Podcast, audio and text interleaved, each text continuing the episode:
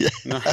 Jeg kom til at lukke det forkerte program. Jeg sad lige og pillede ved computeren. Det skal jeg lade være med, kan jeg se. Nå, okay. Ja, det er fint. Det, var, det kan godt være, du bare ikke kunne lide spørgsmål. Det, det kan godt være, du bare ikke kunne lide indledningen. Nej, det overhovedet ikke. Det var der, intet med det at gøre. Jeg sad lige her og råbte og skreg af mig selv. Der var, var, der var kontant afregning, så vil du bare lukke ja. ned. Ja. Men, det, men det, er jo det, det er jo den ret, du har heldigvis. Ja. Nå, skal jeg lige prøve forfra?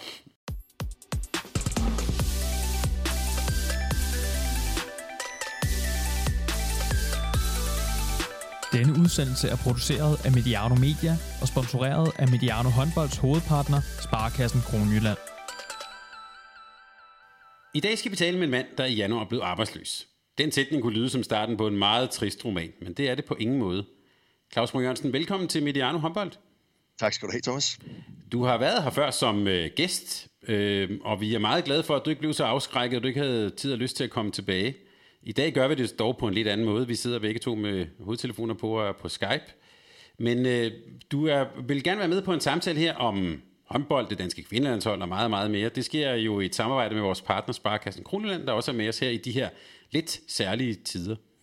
Jeg havde egentlig, Claus, forberedt et spørgsmål, der skulle øh, gå på lidt. Hvad går man egentlig og laver, når man ikke er landstræner mere? Men måske skulle jeg øh, spørge lidt mere bredt. Hvad går du egentlig og laver i den her coronatid? Jamen, øh, egentlig lidt det, jeg plejer. Øh, altså siden januar, som du selv sagde, så, så har jeg ikke haft noget arbejde, og, øh, og det har været lidt sjovt at opleve den her, øh, det her skifte med, at, at da jeg var ansat, øh, havde jeg nogle gange svært, og det indrømmer jeg blankt en gang med, med at aktivere mig selv herhjemme, øh, med at få lavet ting, som, som min kone øh, gerne så, jeg lavede og sådan noget, men det var som om, at, øh, at det også gav mig et, et, et, øh, et skub i den rigtige retning i forhold til at, at få taget mig sammen til at lave nogle andre ting, end, lige det, jeg sådan plejede at gå og koncentrere mig om håndbold. Fordi det er der heller ikke nogen tvivl om, at jeg brugte også meget tid på at, at tænke over, hvordan øh, skal, skal jeg fortsætte videre med de her kvinder, og hvad er næste samling, hvad skal vi lave der? Og, øh, og det var ikke fordi, man sad sådan flere timer om dagen og, og forberedte og skrev ned og alt sådan noget der, men der, der var rigtig meget tankevirksomhed og, øh, og fokus på, hvad, hvad vej skal vi nu, og se en masse kampe også, og, sådan noget, og, og tænke over, hvad, hvad pokker kan jeg gøre med hende der, hvordan skal jeg skubbe hende i den rigtige retning, eller i den retning, jeg synes øh, skulle være den rigtige, og sådan noget. Øh, og det var som om, at, at, at da, da, da jeg ikke skulle det mere, så, øh, så kom jeg stille og roligt i gang. Vi har haft en kælder, som, øh, som trængte til en gevaldig omgang, og, og det har den fået og kommet lidt videre med den, og øh, så småt begyndt på have og alle de her ting. Så, så det har været på en eller anden mystisk måde en, en, en lille befrielse også øh, på nogle andre områder end, øh, end bare det, at, at, øh, at det selvfølgelig også er et, et, en gang imellem et stramt job øh, at være landstræner. Øh, men så har det også så har det bare givet noget luft øh, nogle andre veje også, og det har været rart.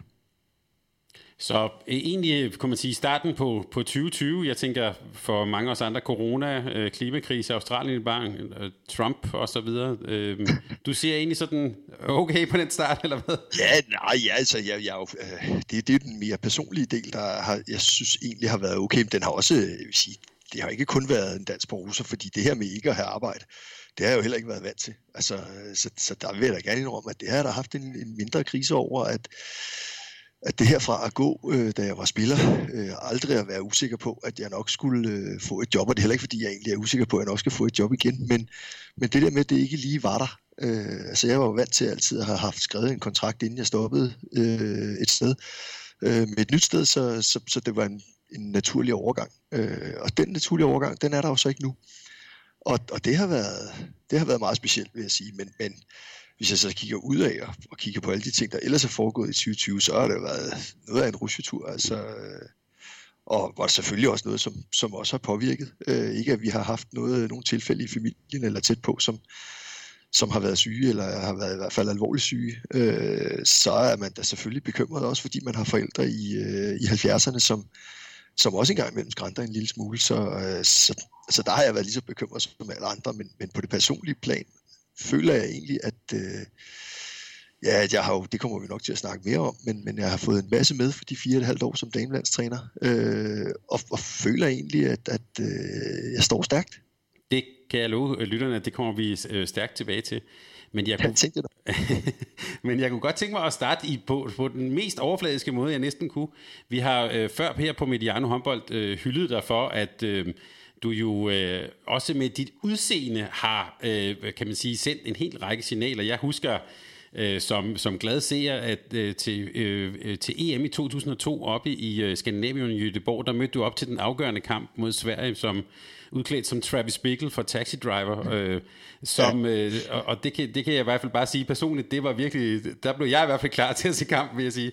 Øhm, men du har jo sådan øh, undervejs sådan, øh, også leget lidt med dit øh, udseende, og jeg bemærkede i hvert fald, at da du kom tilbage til medierne her, der lignede du det, jeg vil kalde sådan en, en renset mand, altså en, der øh, hipsterskægget var væk, og du lignede en, der sådan, øh, havde gået igennem en eller anden renselse. Er det, var det helt forkert set? I, nej, det var det egentlig ikke. Altså, og, jeg, og jeg bruger det jo også øh, aktivt øh, stadigvæk. Altså, jeg troede egentlig, at det var noget, der ville gå over med alderen. At, at, øh, at jeg godt kunne lide det her med at skifte frisyrer og, øh, og træk generelt. Øh, en gang imellem også øh, smide ekstremt mange kilo, sådan, så at, at, øh, at jeg var ribbet. Øh, både for, for det selvtillidsmæssige, fordi der er ingen tvivl om, og det er jo derfor, folk også tit gør det. Øh, ikke at jeg altid har overdrevet brug for det, men, men det der med lige at kigge sig selv i spejlet og så se, at der står altså en, der har gjort noget ud af det.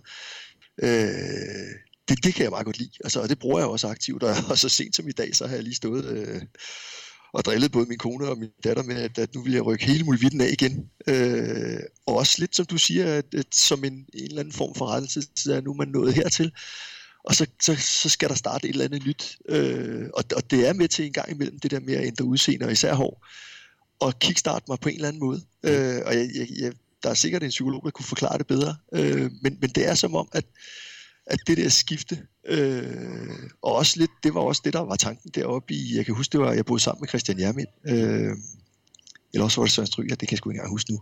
Nej, jeg tror, det var Jermind. Mm. Øh, som hjalp mig med at, at klippe den her hænekamp op i Sverige. Øh, og det gjorde bare et eller andet. Altså, det, det, det fik noget vildskab op i mig, at, øh, at kigge på mig selv på en anden måde. Øh, og, og det synes jeg er meget sjovt. Og det, det kan jeg mærke, det, det synes jeg stadigvæk. Altså det tror jeg ikke, jeg kommer til at smide. Øh, og det kan være, når, når håret helt, og det er det jo på vej til, øh, falder af fuldstændig af sig selv, så, så giver det sig selv, og så er der ikke så meget at gøre. Øh, men, men så længe der er noget at arbejde med, så tror jeg, jeg vil, vil fortsætte med at lave de der øh, transformationer en gang imellem, hvor det ikke kun handler om, øh, om det udseendsmæssige, men, men mange gange også om, at, at så sker der også noget andet øh, på det personlige plan. Men det virker også samtidig som om, at du er... Pludselig var du klar til sådan at, at, at, at tale med medierne. Skulle der gå lidt tid, eller hvor... Det virker sådan meget bevidst. Ja, ja det skulle der også. Altså også fordi, at, at når du... Øh, altså i den situation følte jeg i hvert fald, hvor jeg, hvor jeg blev efterladt eller stod, øh, så, så mange af de ting, jeg måske ville sige, ville komme til at enten at lyde lidt bittert, eller lidt mavesurt, eller en skyden efter andre. Og, og den intention havde jeg slet ikke. Altså det havde jeg på ingen måde lyst til. Øh, så, så for min egen skyld, og helt sikkert mest for min egen skyld, men også for andres skyld, så, så synes jeg, det var det smarteste at vente lidt øh, med egentlig at, at sætte mig ned og snakke, og også for selv at være sådan fuldstændig øh, tydelig, fordi det vil jeg jo altid gerne være, øh, på hvad er det egentlig, jeg mener. Øh, sådan så jeg gav mig tid til også at gå og tænke over, hvordan er det egentlig, jeg synes tingene, de har hængt sammen. Øh, og hvordan jeg egentlig synes, hvis det er, jeg skal komme med et bud ind imellem på, hvordan er det, tingene måske skal bevæge sig videre. Øh, altså kan jeg gøre det, hvor jeg virkelig har, har tænkt over det. Ikke at jeg føler, at jeg øh, går op og brænder alle mulige mærkelige ting af hele tiden, men, men, men bruge lidt ekstra tid på det den her gang, fordi at, at det var øh, et, et skifte, som, som var større end det plejer. Men så lad os dykke ned i det, Claus. Jeg, øh, til, som lidt forberedelse her, øh, var jeg lige inde og kigge sådan helt nøgtern på øh, dine placeringer som, øh, som landstræner. Øh, mm. Og nu kommer så bare lige øh, min, sådan, øh, min vurdering, at jeg tænker på, på kvindesiden har vi måske lige nu fire tophold. Holland, Norge, Rusland og Frankrig, som måske er lige en ende til foran de andre hold. Og så derefter er der måske cirka otte lande. Det kunne være, nu nævner jeg bare Flink, Spanien, Montenegro, Serbien, Sverige, Danmark, Tyskland, Rumænien, Korea, Japan, den, den type landing. Ja. Øh, og, og, og der kan man sige, øh, der har du jo øh, med, med dit hold været I var nummer 6, nummer 4, nummer 6, nummer 8, nummer 9 her. I var tre mål fra en semifinale ved det her, ved det her VM. Og jeg sidder og tænker på, øh, er det ikke egentlig lidt drastisk at kalde det for en fiasko, når man altid er omkring top 8? Er de danske kvinder bedre end det? Jo, men det er heller ikke mig, der har brugt det ord. Altså, det er jo et, det er jo et ord, som, som bliver brugt, øh, når man har høje forventninger, og, øh, og man så ikke lige lykkes. Øh, og det vil jo ske ufattelig mange gange, og i, altså især i håndbold, både på herre- og på damesiden, hvor der er rigtig, rigtig mange dygtige hold, og hvor du er afhængig af, at, at de spillere, som, øh, som skal toppræstere, at de også gør det. Øh, fordi så ser vi jo på altså, et, et Kroatiens øh, herrelandshold uden en Duvniak på toppen. Jamen, det er også noget helt andet. Øh, og, og til gengæld, når han så er der, øh, og så længe han har kræfter, jamen, så kan de slå hvem som helst. Øh, og det samme med Danmark. Altså, du, man kan blive ved, og det kan man også på damesiden, tage, tage enkelte spillere ud. En Oftedal fra Norge, som også er utrolig øh, vigtig på damesiden. Øh, så, så der er sindssygt mange ting, der selvfølgelig skal gå op i en højere enhed, og, og der er der ingen tvivl om, og det synes jeg jo heller ikke, jeg har lagt skjul på. Jeg har jo ikke på noget tidspunkt haft det sådan, at jeg synes, at vi lå anderledes øh, i forhold til, til de placeringer, vi har fået. Altså, at, at, at det, var, det var egentlig det, vi kunne. Eller det, det, det vil jeg heller ikke sige, fordi det er jo svært. Vi, vi, vi kunne sagtens, eller ikke sagtens, vi kunne godt være kommet ind i top 4, men det havde krævet, at alle tingene, de spillede for os hver evig eneste gang. Og, og det må man bare sige, det gjorde det ikke. Altså, og der er nogle gange, hvor det har været skader. Og så øh, den her gang, hvor ja, vi manglede Mette Tranborg, hende kunne vi selvfølgelig godt have brugt. Men overordnet set øh, havde jeg en rigtig, rigtig god fornemmelse. Og, og der gjorde det jo bare ekstra ondt, at det så ender helt ude for top 8, at man så ender med en, en, en 9. plads. Altså havde vi nu bare fået den her OL kvalificering, øh, eller mulig øh, kvalificeringsplads, så, så havde vi jo slet ikke siddet her og snakket højst sandsynligt. Øh, så havde jeg da nok stadigvæk været skuffet, fordi jeg havde sat høj, øh, næsen op efter noget mere til, til den her slutrunde, men, men så havde det ikke været så drastisk, fordi forståelsen, og det var den jo også fra, fra mange medier side, var jo derhen af nu, at vi er altså ikke bedre, end at vi, vi virkelig skal være øh, både rigtig, rigtig dygtige, men så sandelig også heldige indimellem, for at komme op i top 4, øh, og måske også en dag vinde. Og det, det tror jeg stadigvæk på, at det her hold, det kan. Men det, det er ikke sådan, at det bare kommer øh, ud af den blå luft. Altså, der skal saftsus med noget held til. Øh, og man skal, og, og i, i det held skal der også være, at man ikke har nogen skader. Fordi ellers så er vi simpelthen for smalle, og det er der jo mange nationer, der er. Mm. Øh, og, og det er jo der, hvor det har... Jeg synes, det er der, hvor det har været sværest, og især i starten. Øh, både at, at have den her politisk korrekte kasket på, som man jo en gang imellem bliver nødt til som landstræner. Øh, og skulle høre på ligatrænere, som som indimellem sagde, at øh, jamen, der var masser af talent i Danmark, og der var masser af spillere, man kunne tage med på landsholdet. Øh, det, det var hårdt. Altså, og, og det var at se i bagspejlet, så, så, så synes jeg jo selv, jeg måske, og det synes jeg måske også, at forbundet skulle have været med til. Jeg synes også, der var nogle af de trænere, som ikke havde samme holdning, som skulle have været mere klare, øh, og også steppet op i stedet for bare ikke at sige noget. Det ærger mig lidt, og det, det gør mig en gang imellem øh, lille smule ked af det, at, at, øh, at der ikke var andre, der bakkede op den vej, fordi det var på det personlige plan var det ensomt, og det var hårdt at stå og, og egentlig have en fornemmelse af, at, at det er rigtigt, det du siger, men der er faktisk ikke rigtig nogen, der gider at høre på det. Mm. Ja, jeg, jeg kom til at tænke på, da Ulrik Vilbæk han blev herrelandstræner, der sagde han, der var hans erklærede målsætning, at Danmark altid skulle være i top 8. Så kunne det godt være, at det nogle gange var man i top 4, og nogle gange kom der også medaljer hjem, men man skulle være stabil. Ja. Er, er, er din tid som kvindelandstræner ikke udtryk for en pæn stabilitet? Altså hvis vi nu vender det lidt på hovedet, og tænker, I, jamen, I har været med alt, alle de gange, og så har man været lidt uheldig, og måske ikke lige og lidt skadet og sådan noget, men I, du har jo bragt dit hold derop, hvor, øh, hvor man kan, en gang imellem kan være med til at spille om medaljer.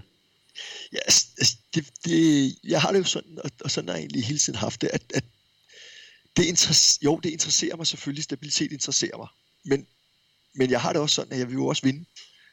Så, så det, at vi har været stabile over en længere periode, det, øh, det betyder måske ikke det helt store. Altså det, det der ærger mig allermest, jo, det er jo, at man står og, og ikke lige mere end en enkelt gang kom ind i, øh, i top 4. Øh, fordi så havde man lige præcis presset den den der øh, berømte citron en lille smule mere, og så havde man fået lidt mere ud af det. Øh, fordi jeg tror, med det hold, der er der nu, og med den måde, som, som jeg er sikker på, at, at team, øh, både Team Danmark og Dansk Håndboldforbund vil gribe øh, det her damelandshold an, så tror jeg, man kommer til at være i, i rimelig fast i, i top 8 i et stykke tid, fordi at, at de rammer, der er sat op, som jeg øh, et eller andet sted også er glad for, at jeg har været med til, øh, sammen med Team Danmark og, og forbundet at bygge op omkring det her hold, de er gode Øh, og det er jo også, øh, det glæder mig også, når, når Jesper Jensen så overtager og, og, og bakker det op og siger, at jamen, han synes, at det arbejde, der er blevet lavet, det ser fornuftigt ud. Så, så det er et, et, på den måde et sjovt hold øh, at skulle overtage, fordi der ikke er øh, et, et basisarbejde, der skal løftes. Det er blevet gjort. Der har været meget snak om det her med, øh, meget snak om det her med marginaler. Det, talte, ja. det har vi også talt om her på, på Mediano håndbold. i, vi prøvede at lave lidt evaluering. Det her med, at det var jo nogle uhyre tætte kampe. Ja. Øhm, og i en samtale med Erik Veje, der fik øh, hvad hedder det, Mediano håndbolds øh, lytter også en, en belæring om heldet. Altså det er nogle gange går den ene vej og den anden vej og sådan noget. Ja. Øh, var det her bare et spørgsmål om, altså, om marginaler? Altså, når man, jeg, jeg bliver nogle gange spurgt, når jeg kommer rundt, sådan folk, der bare ser lidt håndbold, hvad, hvad var det egentlig for noget? Og det er jo nemt at sige, at det bare var marginaler. Var det egentlig bare det? Du kender håndbolden indefra. Hvad, hvad er det der marginaler for noget? Jamen, det er, det, marginaler er held. Det er det. Altså, og, og det er, jeg, jeg kan blive så dødssyg også nogle gange af at høre på, hvor vigtige træner er. Øh, også hvor vigtigt de bliver gjort. Altså der er ingen tvivl om, at vi har betydning. Altså i, i dagligdagen især har vi betydning for, hvordan vi er med til at påvirke spillerne, deres tankesæt, øh, deres måde at træne på, deres øh, sult og lyst til hele tiden at blive bedre. Der er vi, der er vi utrolig vigtige. Det, det er jeg meget bevidst om, at, at der kan vi virkelig flytte rigtig meget. Men når først kampen er i gang, hvor at, at det er der, vi oftest jo allermest bliver vurderet, der er det held rigtig meget af det. Der er også øh, selvfølgelig noget forberedelse og noget dygtighed, men det, det tror jeg, hvis jeg kigger rundt, og især i Danmark, der, der tror jeg jo lige præcis, det er en af de ting, vi er, er dygtige til, det er, at vi er, vi er godt forberedte, og vi har en, en god forståelse af, af håndbold, og hvordan mekanismerne er og sådan noget. Men jeg ved ikke, hvor mange gange jeg skulle høre på Bent Nygaard brokse over, at jeg ikke har taget en timeout på det rigtige tidspunkt. Ikke? Og når jeg så tænker tilbage for eksempel på den her slutrunde, der snakkede jeg på et tidspunkt med Lars Jørgensen om, at vi, vi tager en timeout, inden de sidste fem minutter af, jeg kan ikke engang huske, hvor fanden det er, det er det serbisk kamp, eller et eller andet, hvor vi har momentum. Mm. Ja. Og så vinder det. Så får de momentum i stedet for. Og, og vi tog jo den timeout, fordi vi lige, altså vi var, der er jo ingen tvivl om, at vi var øh, også presset der, ligesom serberne også var, så var vi presset af, af energi der også. Vi havde, jeg tror, vi havde spillet relativt smalt øh, og, og havde klemt godt på der.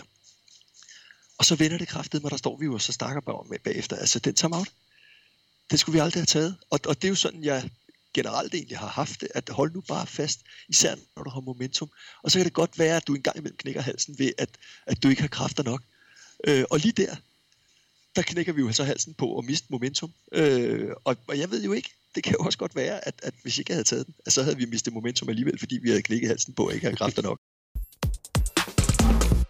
Du var på et interview med øh, på TV2 i, øh, i kontrastudiet, og der ja. hæftede jeg mig ved sådan en sætning, du sagde, at det her med at være klubtræner, det er jo den rene badeferie, sagde du. Øh, ja. og, nu, og nu nævnte du også her undervejs Bent Nygaard og kritik fra medierne og sådan noget. Ja. Kan, kan du ikke lige sådan, for, for os, der aldrig har prøvet det, der ikke kommer til det, hvad er det egentlig for sådan et tryk, man er under, når man er landstræner i Danmark? Det er svært at forklare. Altså det er, men det er jo fordi, at du, altså en ting er, at du selv selvfølgelig har forventninger til, hvad er det, du skal ind og, og gøre.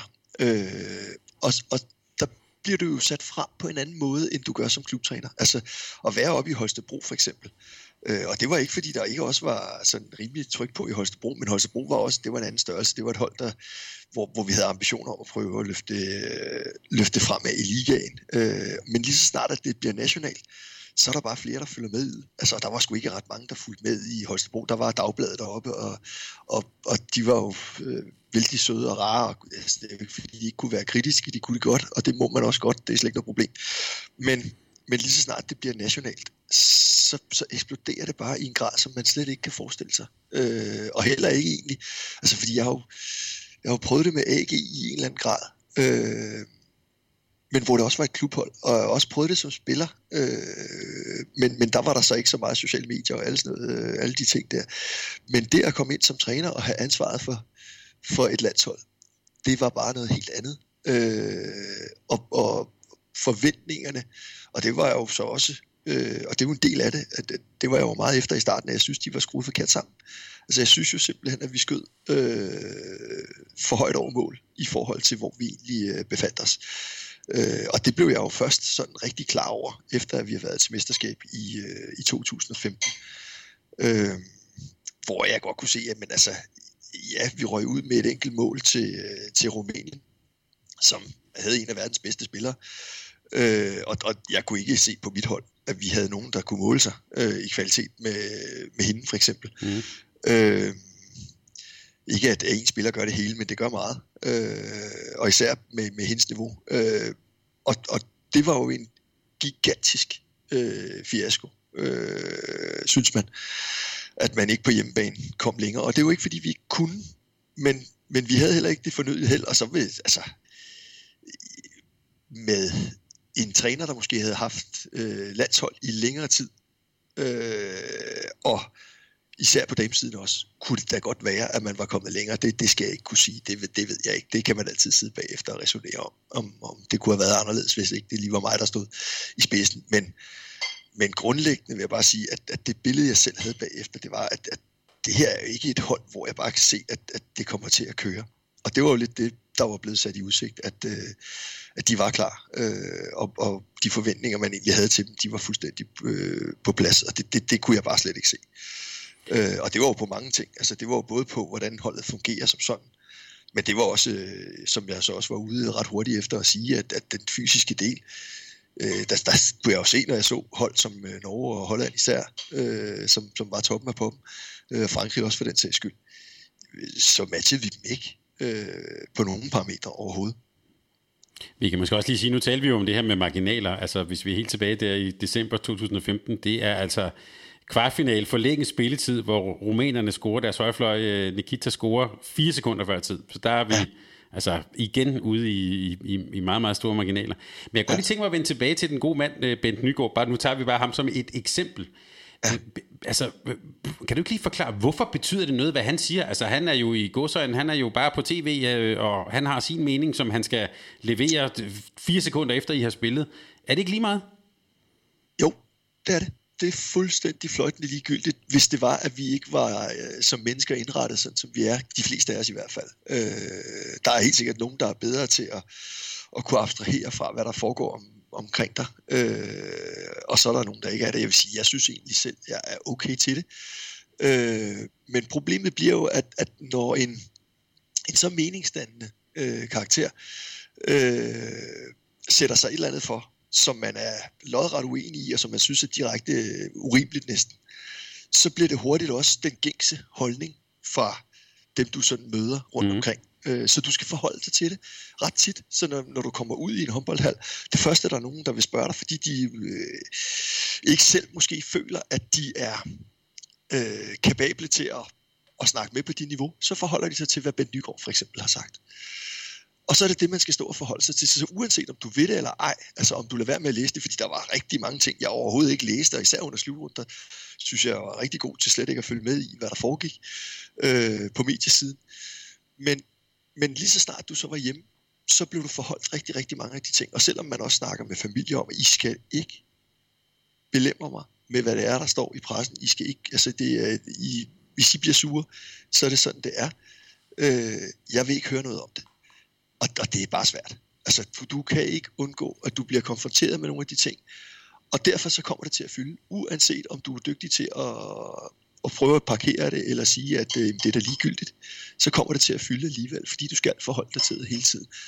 Øh, og, og det er bare en belastning, og det er en relativt stor belastning en gang imellem, øh, kan, kan jeg godt afsløre. Ja, det kan vi lige komme tilbage til. Men det er også en, det er også en del af jobbet. Altså, altså det er jo ikke, det, det, det skal ikke lyde som piv, men det er bare for at forklare, at, at det, det fylder bare. At uanset om, øh, om, om du gider at lytte til, hvad, hvad en ekspert skulle have, have af mening, øh, eller du er interesseret dig for at, at læse det, jamen, så bliver du forholdt det alligevel på et eller andet tidspunkt. Det, det kan næsten ikke undgås. Jeg bemærkede i hvert fald som tv-serie det fænomen her under øh, herrenes øh, slutrunde i januar, øh, da Danmark spillede øh, uafgjort med Ungarn, der, var, der stod Claus Møller Jacobsen i studiet, han skulle så sige noget øh, om, om den her kamp, og hans, det han jagtog var så, at Rasmus Lauke havde i, efter hans mening fået lidt for lang snor. Og det jeg bare bemærkede, det var, da jeg næste dag mødte folk, der også var håndboldinteresserede, det var det første, de sagde. Så det er jo sådan en, i kommunikationsteorien, tror jeg, man vil kalde det for en form for framing, ikke? Det er en måde at, at tale om noget, som jo er ekstremt kompliceret. Altså, der ja. foregår så mange ting. Du nævnte også den her time-out mod Serbien. Altså, det er så mange små, øh, små marginaler, små variable, men man skal jo tale om det på en eller anden måde. Og Så, ja. så, det du, så på en eller anden måde, så, så, er det jo, så betyder det noget alligevel, hvad der bliver sagt i fjernsynet. Et godt eksempel for eksempel er også den Serbiens kamp, hvor at Højlund kommer ind og spiller en, øh, en rigtig fin første halvleg. Øh, overhovedet ikke utilfreds med hende. Øh, men hvor vi så får den korte udskiftningsside med Burgård i anden halvleg. Øh, og så spiller med hende. Øh, og så har vi Anne Mette Hansen inde på venstre bak, tror jeg, og Lotte Grigel det meste af tiden som playmaker også. Og, og der bliver snakken jo også, at jamen, vores angreb, det var jo meget bedre, da, da vi spillede med Højlund. Men vi scorede flere mål i anden halvleg, end vi gjorde første. Altså, så, så det bliver hurtigt, det bliver hurtigt bare en sandhed, som alle tager med sig, og som, som også, fordi nu ved jeg jo så også, nu har jeg jo selv været med som ekspert, at øh, når, når alle de her, øh, og i øvrigt øh, rigtig fine mennesker, for jeg har, øh, synes jeg, generelt et godt forhold til mange af journalisterne, øh, at når de sidder om aftenen, øh, så får man gerne en øl. Øh, det har jeg også selv prøvet at være med til, så sidder man og snakker sådan lidt. Og der påvirker de også hinanden i ufattelig høj grad. Mm. Øh, så det bliver sådan hurtigt sandheder, som, som bare bliver skabt. Og så en ting er, at der er et medie, der starter det, hvis de andre de synes, at det lyder egentlig meget fornuftigt, jamen så står det på 4-5 medier. Og så er det altså ikke, så er det en sandhed. mm. Uanset om landstræneren siger eller ej, så er det en sandhed, fordi det står så mange steder. Og, og, og det er bare svært at hamle op ud. Nu bliver jeg bare lige nysgerrig. Er det, altså, vi har også her på Mediano håndbold haft en, en special samtale med Torben Winter, som sagde, at han ikke gad at sidde og drikke den der øl, men jeg hørte dig sige, at det, det er en vigtig øl at, at, at få drukket.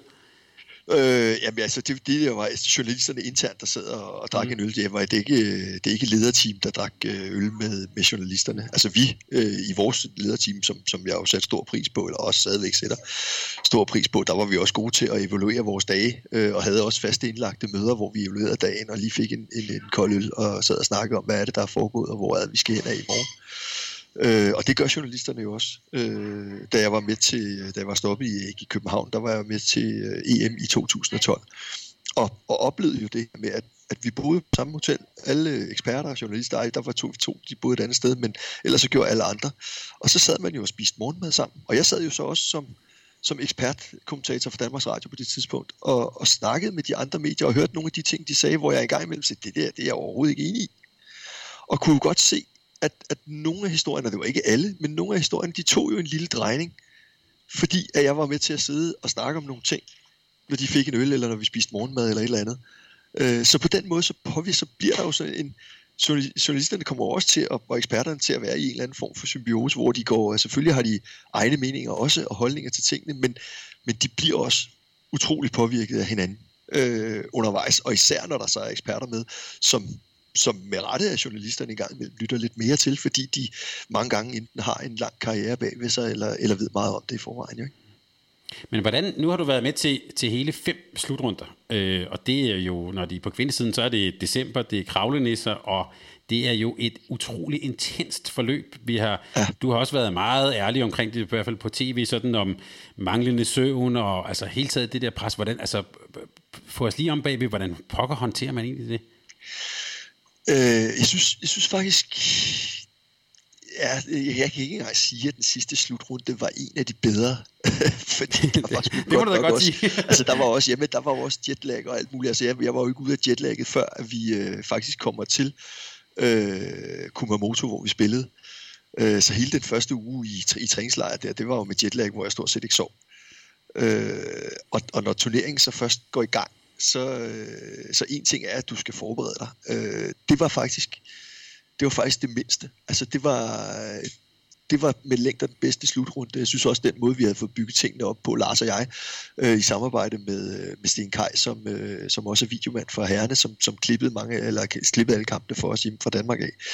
Øh, det, det samarbejde, det fungerede rigtig, rigtig fint. Så det var ikke, det var som sådan ikke den store belastning, men, men i og med, at vi også som hold havde været igennem, synes jeg, rigtig, rigtig mange snakke og ting. Altså det her med at lægge, øh, lægge meget af sig selv på bordet, øh, hvor jeg, hvor, hvor det kræver jo også noget af mig, hvis jeg står og beder spillerne om, at, at I, skal, I skal lægge noget mere af jer selv i det her. Så blev jeg jo også nødt til at gå all in øh, og lægge endnu mere af mig selv ind i det. Og, og det tærede jo altså, på mange punkter, og det gør det, det gør det generelt. Altså, også som, så det vil sige, uanset om det var så et landstrænerjob eller et klubtrænerjob, så, så vil det altid være min måde at, at gribe tingene an på, og være meget, øh, meget på og meget engageret, og, og, og give meget af mig selv også, øh, vise, hvor er jeg hen. Øh, rent følelsesmæssigt, og det gør man også, det gør jeg også under en, en, en slutrunde. Og det, det tager bare. Og det gør jo så, at man en gang imellem øh, har en lille smule svært ved at sove. Jeg vil sige, især, øh, især efter Serbiens kamp.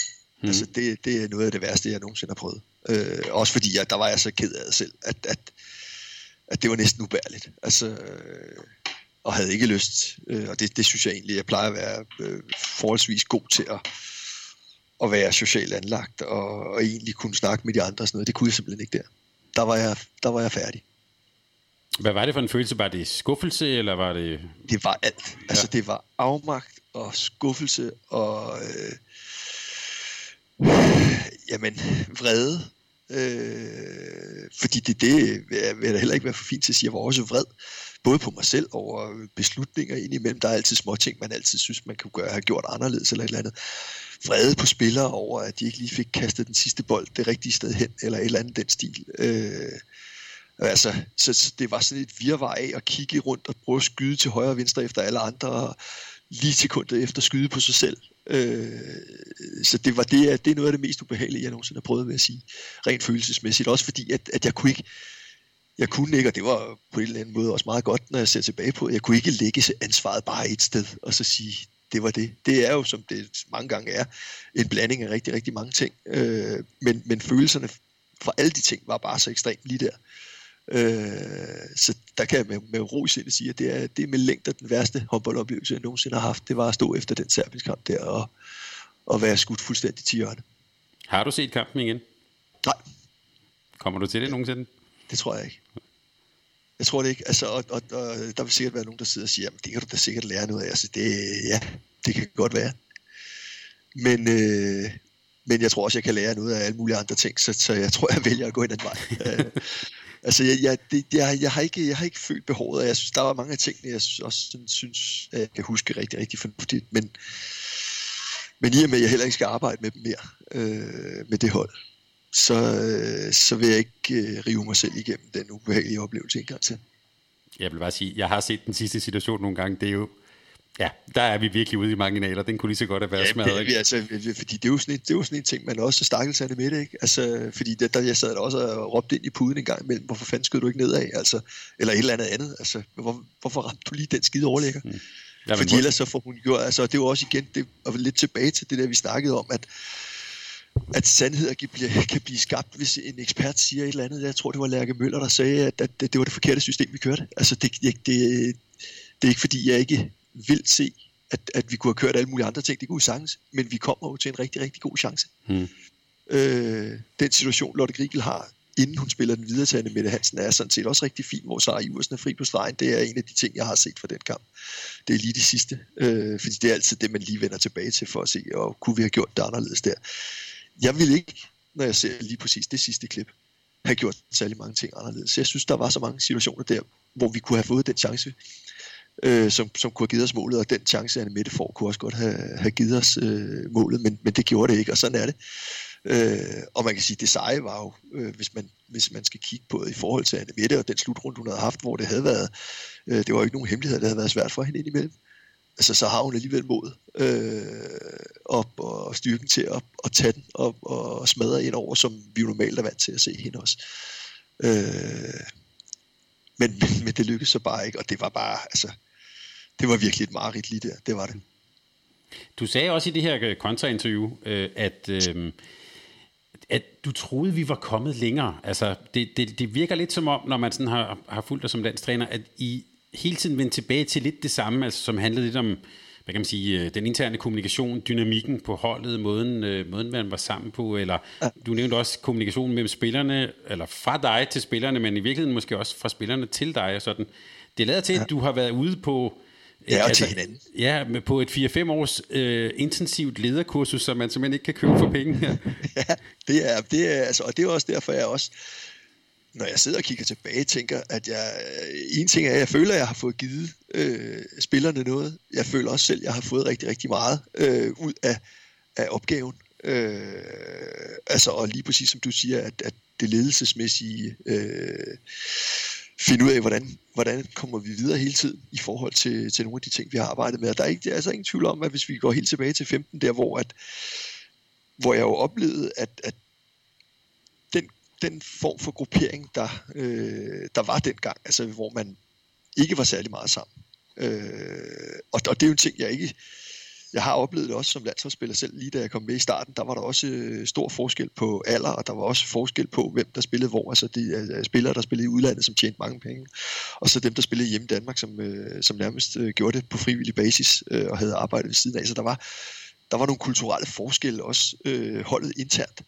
Øh, de er ikke lige så store, og var ikke lige så store på det her damelandshold, men alligevel var det som jeg så det på det tidspunkt, et meget splittet hold. Øh, at, at der var grupperinger, der sad på værelser og snakkede meget. Der var ikke altså den her fornemmelse af, når man sad og spiste, det var det, jeg oplevede til sidst især med, med, med herrelandsholdet, og, og helt sikkert også en af grundene til, øh, at de begyndte at vinde noget, det var, at man var bedre til at være sammen.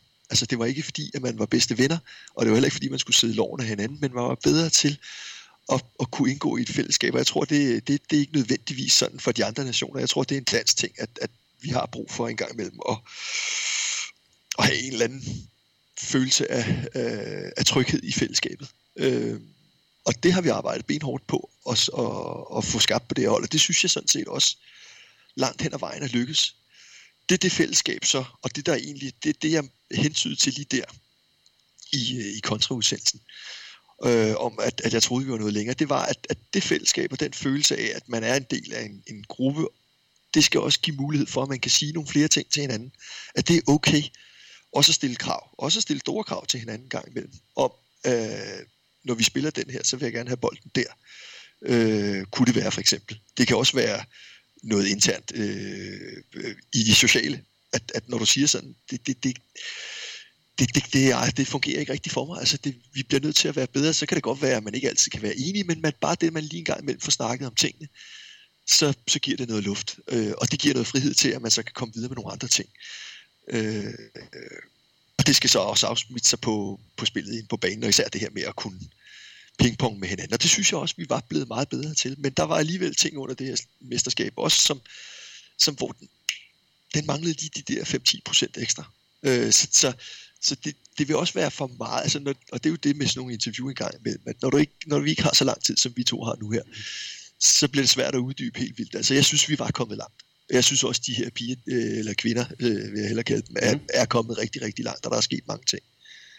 Men de skal stadigvæk presse på. Øh, og, og, og det tror jeg også godt, de kan. Øh, og det er også derfor, jeg fastholder, at jeg tror på, at det her hold, det kan øh, godt komme længere øh, end, end, det, end det, vi har nået indtil videre.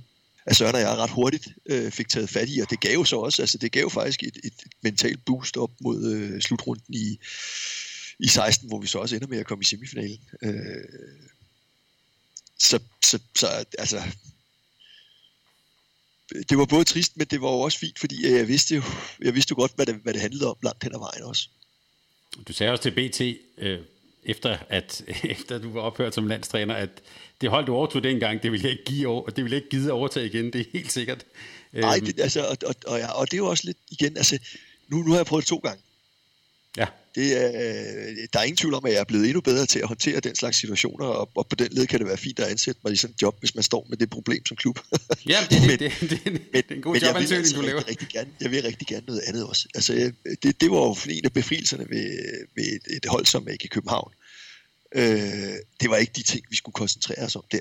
Øh, der var også nogle holdting, som, som, som vi skulle koncentrere os om, men det, der var fedt ved, ved mange af de spillere, det var, at de vidste godt på forhånd, at hvis ikke vi, øh, vi behøver ikke elske hinanden, men hvis ikke vi fungerer som gruppe, så kan det være nok så dygtige hver især, så vinder vi ikke noget. Og, og det var de fandme, altså det, det Søren og jeg, synes jeg også, øh, lavede et fint stykke arbejde, og Jesper Nielsen også for den sags skyld, og dem, der var ledelsen generelt omkring øh, i København, var gode til at, og, og facilitere, at, øh, at de havde mulighed for at, øh, at lære hinanden hurtigt at kende. Øh, men det var spillerne også øh, super dygtige til. Så, så det step der, det skulle slet ikke bruge tid på. Der handlede det bare om at, og så også få dem til at spille håndbold sammen. Og, og, og det lykkedes jo sådan set også meget fint. Altså, så, så er det ikke, at det behøver at være på fuldstændig samme skrue som, øh, som ikke i København, men, men et job, der mindede om det, øh, det kunne jeg da rigtig godt tænke mig igen. Mm.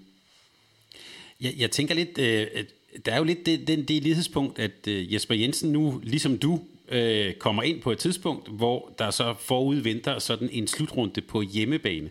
Det er, jo, det er jo lidt den, den, øh, den samme situation. Og da Jesper Jensen blev, blev ansat, der lavede vi her på Mediano håndbold sådan en special, hvor vi ja, talte lidt om og lovpriste ham, og vi tror faktisk også, vi sagde nogle pæne ord om dig.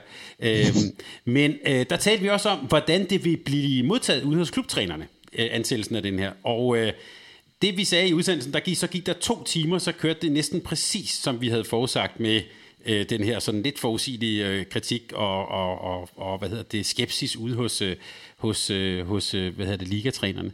Ja. Så jeg får lyst til at spørge dig, som har øh, også stået lidt som skydeskive i det her. Hvad er det egentlig for en kultur? Nogle taler sådan om ævl og kævl på damesiden og sådan noget. Kan ja. du, du har prøvet både herre og damesiden. Hvad, hvad pokker er det for en kultur, vi har fat i her?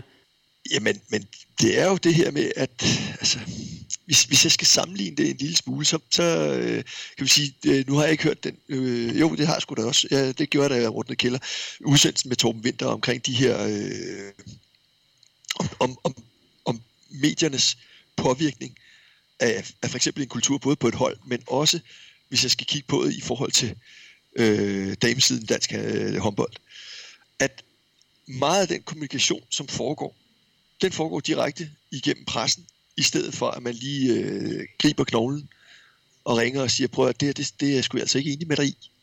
Øh, kunne vi ikke lige vende det, sådan, så vi har en eller anden form for fælles fodslag? Øh, eller i hvert fald er enige om at være uenige. Øh, fordi det kan man jo også godt være. At, at der, der er der en, en, og har været igennem lang tid, en kultur om, at, at man skynder sig lidt øh, at være først på knapperne, og så ellers så bare skrue op for volumen, og så få rum sin mening ud, i stedet for lige at trække vejret. Øh, og, og jeg mindes også, at jeg selv fik sagt, at, at øh, for også fordi jeg ved ikke, hvordan DHF øh, greb det an. Jeg synes også, det var forudsigeligt, at det der, det ville ske. Øh, og jeg kunne da godt have ønsket mig, at man havde skrevet en mail ud hurtigt til alle klubberne. Prøv at vi er udmærket klar over, der kan være faldgrupper her. Lad os få sat os ned og snakket om det. Øh, men ellers glæder os over, at vi alle sammen har fået den landstræner, fordi det øh, kan jeg jo se, at det er fuldstændig øh, entydigt. Alle er enige om, det er den rigtige mand, der er blevet valgt. Øh, så lad os glæde os over det, og så lad os tage de andre ting internt, i stedet for at, at vi får sådan en lidt skidt start, øh, for at sige det mildt, øh, på, på igen en, en ny landstræner. Og, og det, er, det er et spørgsmål om kultur. Altså, at man lige en gang imellem trækker vejret, og det er man tydeligvis bedre til på, øh, på herresiden. Så kan man sige, øh, ja, altså, jeg ved ikke, om det er det, men, men mange af, af herretrænerne er jo også tidligere spillere selv på allerhøjeste niveau, og dem er der også nogle stykker af nu på, på damesiden, men, øh, men der er også rigtig mange, som, som måske ikke har bevæget sig. Øh, ikke dermed sagt, at det er skidt overhovedet, men, men jeg ved ikke, om det også er det, der bare giver en, en anden forståelse, både for, for hvordan det kan være at komme ind som øh, landstræner i sådan en situation der, og så bare blive skudt ned øh, med det samme, eller rammerne. Nu var det ikke Jesper som sådan, der blev skudt ned over hovedet. Det var mere rammerne for, hvordan øh, tingene skulle foregå, men det kan heller ikke øh, undgå, og selvfølgelig at påvirke Jesper en lille smule, øh, tænker jeg. Ja, men man kan også øh, det, synes jeg, det, det synes jeg bare er super ærgerligt. Øh, også fordi, jeg synes, altså en ting er, at jeg også var igennem det, og jeg har også, og det sagde jeg også i kontraudsendelsen, jeg tager også min del af ansvaret, fordi den, den går selvfølgelig også den anden vej. Øh, jeg, jeg ærger mig også over, at, at den, eller den snak, især jeg startede omkring det fysiske, at jeg ikke var ah, meget mere oppe på beatet og, kom, øh, og ringe lige rundt til nogle af klubberne og sige, prøv at vi bliver simpelthen nødt til at, at få gjort noget ved det her, øh, fordi jeg ser det altså som et problem. Øh, det, det havde helt klart været det smarte at gøre. Og, og nu vi har været igennem sådan nogle ting, og hvor jeg synes, at der hvor jeg efterlod øh, mange af klubberne også, det var, at vi havde en god kommunikation at både jeg og de var blevet væsentligt bedre til lige at tage knoglen, ringe til hinanden, hvis der var et eller andet, sådan så vi ikke havde de historier. Øh, og sådan, så når jeg kom ud i hallerne, at så var det ikke noget problem lige at gå hen og klappe hinanden på skuldrene og sige, hvordan går det, og også når det var gået skidt, og lige øh, øh, give hinanden et kram og sige op med hovedet og sådan noget. Ikke? Altså sådan så, at, at det spillede lidt bedre, og det er der tydeligvis brug for på damesiden. Øh, det, her lidt større fællesskab. Altså, og, og og det kommer jo ikke, hvis det er, at man ikke er bedre til lige at, at ringe til hinanden, i stedet for at, at sige sin mening med det samme til øh, enhver given journalist, der ringer. Men der har været mange liga, ligatrænere undervejs i årene, som har talt om, at du og dine assistenter ikke var så synlige ude i klubberne. Hvad siger du til det? Ja, ja altså det var lidt i starten. Øh, og jeg, altså... Ja, jeg, jeg snakkede en del med Ulrik Vilbæk om det også, og Ulrik han tjekkede jo også, øh, hvor meget kørsel jeg havde, og øh, hvor mange gange jeg var i Jylland. øh, og især i starten var jeg jo altså ude og se øh, minimum en kamp om ugen. Øh, og, og blev jo, øh, og det mindes jeg jo ikke på noget tidspunkt, egentlig jeg oplevede som, øh, som øh, herretræner, øh, at, at, at jeg snakkede med landstrænerne efter, vi havde spillet kamp, når jeg havde set, de var i hallen. Øh, jeg blev konsekvent i hallen efter alle kampe, og lige sagde hej til, til de ligatrænere, der kom ud, og fik en snak med dem om, hvordan det gik med deres spillere. Øh, jeg var også ude til øh, individuelle møder øh, med omkring deres spillere øh, om, hvad der skulle ske, og, og hvordan det skulle gribes an. Øh, især efter det første år. Man kan sige, at det første år var meget hovedkuls, øh, og der skulle jeg også selv finde mine ben øh, i det at være øh, landstræner. Men, men ellers så synes jeg, så altså, havde jeg ikke selv et billede af, at jeg ikke var nok ude og, og snakke med dem som sådan. Øh, og, og som sagt, så synes jeg jo også, at til sidst så fungerede det rigtig, rigtig fint. Og så var der heller ikke øh, på samme måde øh, det ævl og kævl. Altså, nogle af de historier, og det er jo lidt igen, altså, jeg, kan, jeg mindes i hvert fald en af dem, at, at den blev startet op specielt af Ryan Thielsen og, og Reiter Møjsted, der var i, øh, i København håndbold på det tidspunkt. Altså, hvor jeg jo undrede mig, øh, og hvor jeg jo, jeg, jeg, jeg mindes, i, da, da den ene historie brød ud, øh, der ringer jeg, der havde jeg snakket med Ryan Thielsen dagen før, og hvor jeg jo undrede mig over, at hvis, hvis, hvis Ryan han havde noget at sige til mig, hvorfor fanden spurgte han så mig øh, på det tidspunkt, da vi snakkede. Øh, og fik så hurtigt øh, sat, sat et møde op, og det er ikke som sådan for at skyde på, på Ryan, men, men hvor at, at de ting, som vi så skulle vinde, dem, dem havde vi egentlig lidt været igennem. Så det, jeg undrede mig over, at, at det skulle skrues op på den måde øh, på det tidspunkt. Og, og dermed ikke sagt, at jeg måske godt kunne have været mere ude. Det, det vil jeg da ikke afvise, men, men, øh, men nogle af de ting, der blev snakket om, når jeg skulle være ude, det var jo også, og det blev også foreslået på interne møder, at, at øh, jeg skulle komme og måske træne deres hold og sådan noget. Jeg tror også, at Nygaard øh, foreslog det på et tidspunkt, hvor jeg bare må sige, at det er altså ikke, og det, det, det, det skal det formentlig heller aldrig nogensinde være en landstræners job at tage ud og træne spillerne ude i deres klubber. Altså, øh, skulle de så også træne øh, de udlandske landsspillere, som spiller? Altså, det, det, det, det kan jeg slet ikke forestille mig, at man nogensinde øh, kommer til at se. Øh, og jeg tror også, at hvis man foreslog det på herresiden, så ville de kigge øh, meget mærkeligt øh, på en landstræner, der bad om det, og man kunne få lov til at komme ud og træne, øh, få en træning ude i, i en klub. Lige det her, bare lige med en, en, en lille ting. Øh, Jesper Jensen er jo så samtidig klubtræner. Det, det luftede du også på et tidspunkt, så vidt jeg husker, ja. det her med også at være klubtræner samtidig. Vil du godt have ja. været det? Øh, I starten, ja. Fordi jeg, jeg følte jo, at jeg kom længere og længere væk fra det at være træner ved ikke at, at, at, at være det som sådan. Altså fordi at man ikke aktivt lavede ret meget. Altså de perioder, man har, hvor man skal være på, der, øh, der skal man nærmest lige banke lidt rust af de første to dage, og så, øh, så er det ellers om at komme op på beatet. Øh, og ja, jeg er, altså, da, da vi så startede, vi startede jo et endnu mere intenst samarbejde med øh, Team Danmark, og især efter Morten Henriksen blev øh, ansat som sportschef, så fik jeg flere opgaver, øh, så der var på den måde mere at rive i. Øh, og der tror jeg, at, at hvis jeg havde stået med, med det hele på den måde, og så skulle jeg have haft et, et klubjob, og det tror jeg også, jeg snakkede med Morten om, jamen så havde det måske været lidt meget.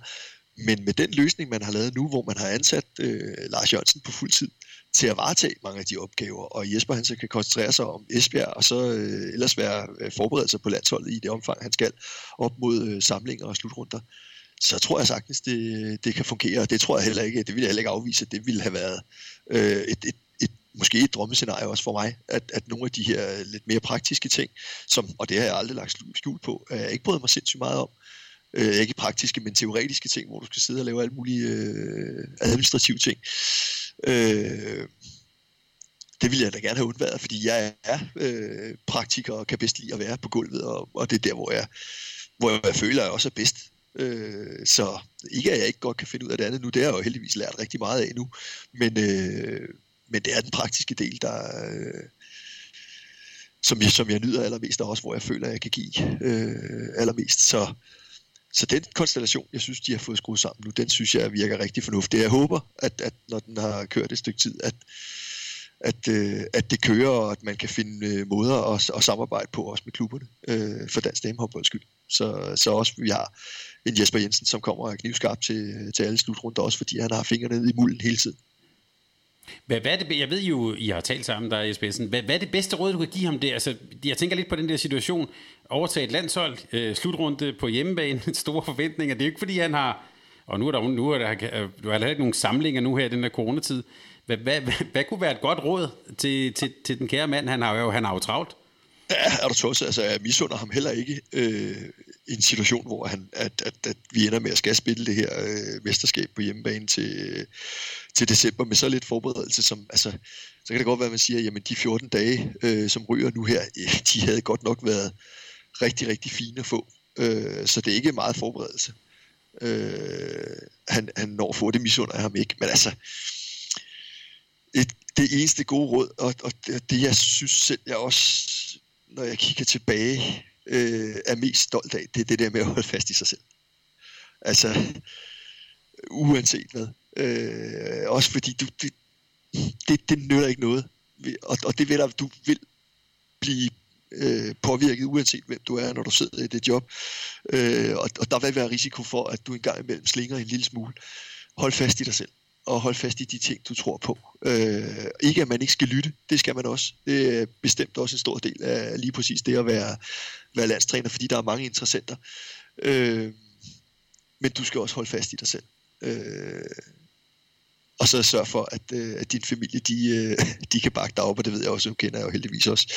Øh, en del til Jespers familieforhold også og sådan noget, så, så det er jeg ikke i tvivl om, at han er i rigtig, rigtig gode hænder, og på den måde er jeg ikke specielt bange for, for Jesper. Han skal nok klare det, jeg er også sikker på, at han bliver en rigtig god landstræner.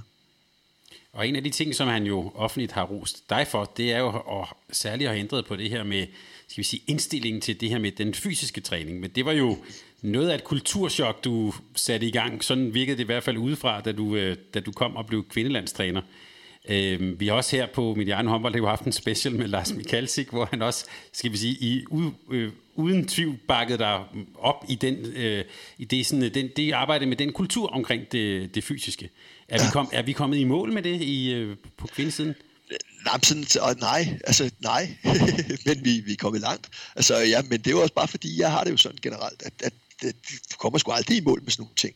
Du skal blive ved, øh, og de bliver også, og det er jo det fede ved det tætte samarbejde, vi også har med, med Team Danmark, eller forbundet har med Team Danmark, det er jo, at, at de eksperter, som, øh, som arbejder der, de bliver ved med at holde sig skarpe på, hvad er der af nye bevægelser inden for træning, øh, og måder at gøre ting på, øh, måder at restituere på, alle de her ting bliver man øh, konstant dygtigere og dygtigere til øh, at varetage. Øh, og, og, og det er ikke noget, man bliver, bliver færdig med som sådan, men der er ingen tvivl om, at, at vi er kommet et rigtig, rigtig godt stykke, og øh, jeg vil sige, øh, det er jo der, hvor spillerne i den grad øh, skal have rigtig, rigtig stor ros, fordi de har været med øh, til at tage skeen i den helt rigtige hånd. Og det har smittet af ude i klubberne, det er jeg ikke et sekund i tvivl om. En ting er, jeg tror også på, at selvfølgelig at trænerne øh, har, øh, har støttet op, øh, men det, at, at de spillere, der går hjemme i, i klubberne, de ser, at landsholdsspillerne, de træner lige det der mere øh, øh, at de ser lige det der mere fit ud, når det er, at, øh, øh, at de står i deres sportsbh og, øh, og shorts eller et eller andet, whatever. Øh, det gør, at det animerer og, og inspirerer de andre til at lige give den ekstra skalle, fordi de vil jo også gerne på landsholdet. Sådan er det jo generelt. Øh, sådan skulle det forhåbentlig være for de fleste af de spillere, selvom der er mange af spillerne i ligaen, der godt ved, måske at, at landsholdet, det er, der, der er måske lang vej. Men, men derfor så kan du alligevel blive ekstremt inspireret af dem, som så bevæger sig på aller, aller øverste niveau. Øh, og det er jo landsholdsspillerne. Øh, og der har de spillere, som, som vi har haft med at gøre, synes jeg, været øh, fremragende forgangsspillere, øh, forgangskvinder for, øh, for lige præcis øh, det her med den fysiske træning. Og det skal de have stor ros for. De har været med til at, at flytte den kultur, øh, også ude i klubberne. Det er jeg slet ikke sekund i tvivl om. Hvis vi, hvis vi lige går kan vi sige, øh, et par skridt ned fra for landsholdet og sådan den øverste elite. Øh, ser du også, at du har været med til at påvirke noget kultur sådan mere bredt i dansk håndbold?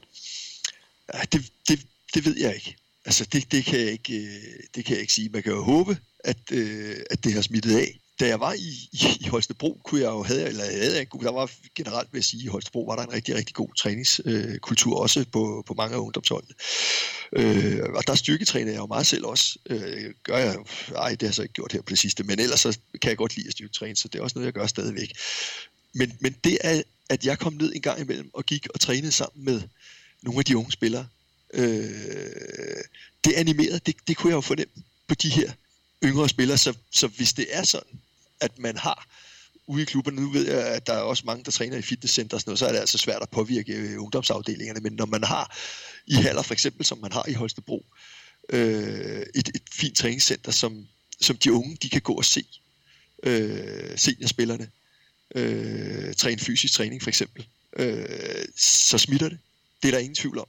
Så på den led, hvis, hvis vi skal øh, øh, komme frem til en eller anden antagelse om, at jeg har været med til at påvirke det den vej, så ja. Altså, øh, men, men det kræver jo, at klubberne de har forhold, som også gør, at, at, at de unge spillere, de, de ser deres, øh, deres ældre forbilleder forhåbentlig øh, træne på den måde, og, og, og ser, hvor meget skal der egentlig til, for at nå dertil, hvor, øh, hvor landsholdsspillerne de, øh, de er nået.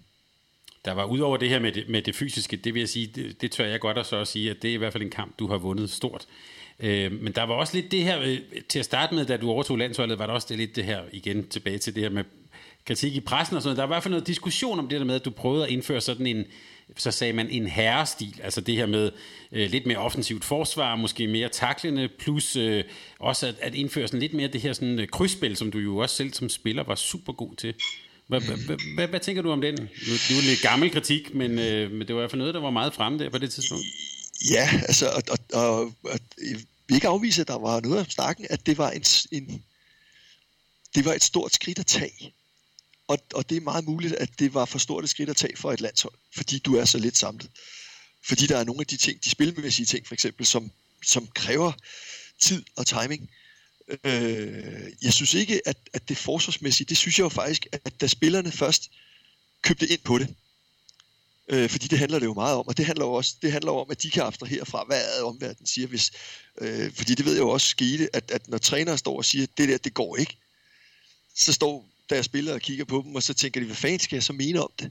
Altså det er en svær situation at være i som spiller, at, at at øh, du har en landstræner på den ene side, der står og siger en ting, og så har du en klubtræner på den anden side, der står og siger noget helt andet.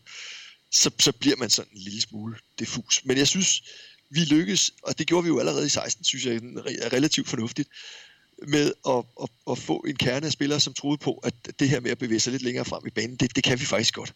Det er ikke så ubehageligt. Det gør faktisk, at de andre, øh, det kan godt være, at vi ikke kan det til perfektion, men de andre har endnu sværere ved det, fordi der er så få hold på, på damesiden, som egentlig dækker noget lidt mere offensivt øh, forsvar. Og så, så tanken dengang var jo også, at, at øh, når du ser på øh, udvikling generelt, så synes jeg altid, det har været sådan, at, at øh, både, øh, sådan er det også lidt med fodbold, øh, i, i forhold til fodbold kontra håndbold, at professionelle standarder og lønninger og alt sådan noget der, hvor fodbolden, den er, nu kan man sige, nu den flytter sig så langt væk fra, fordi der er øh, større kommersielle interesser i fodbold, så, så vi kommer aldrig til at have have samme mulighed for samme lønninger og sådan noget. Men, men måden, man griber tingene an på, der har fodbolden været lidt foran håndbolden hele tiden, og så kommer håndbolden sådan 5, 6, 7, nogle gange 10 år efter. Og sådan har det måske også lidt været rent spillemæssigt på nogle af tingene, der er foregået på øh, herrehåndbolden kontra damehåndbolden. At nogle af de ting, du ser på herrehåndbold, de kommer stille og roligt, også på damehåndboldsiden. Så, så tanken for Søren og jeg var jo også, at, at hvis vi skal prøve at være first movers, i stedet for at vi står og kigger på en eller anden nation, sådan som svenskerne gjorde i, i gamle dage med øh, 6-0 med støden træer, eller jugoslaverne, som du, altså du var jo om nogen øh, historisk godt funderet, øh, kommer med noget andet, som de andre ikke er forberedt på, så kræver det omstilling, og det tager år. Altså det tager tid for nogle af de andre at omstille sig på det.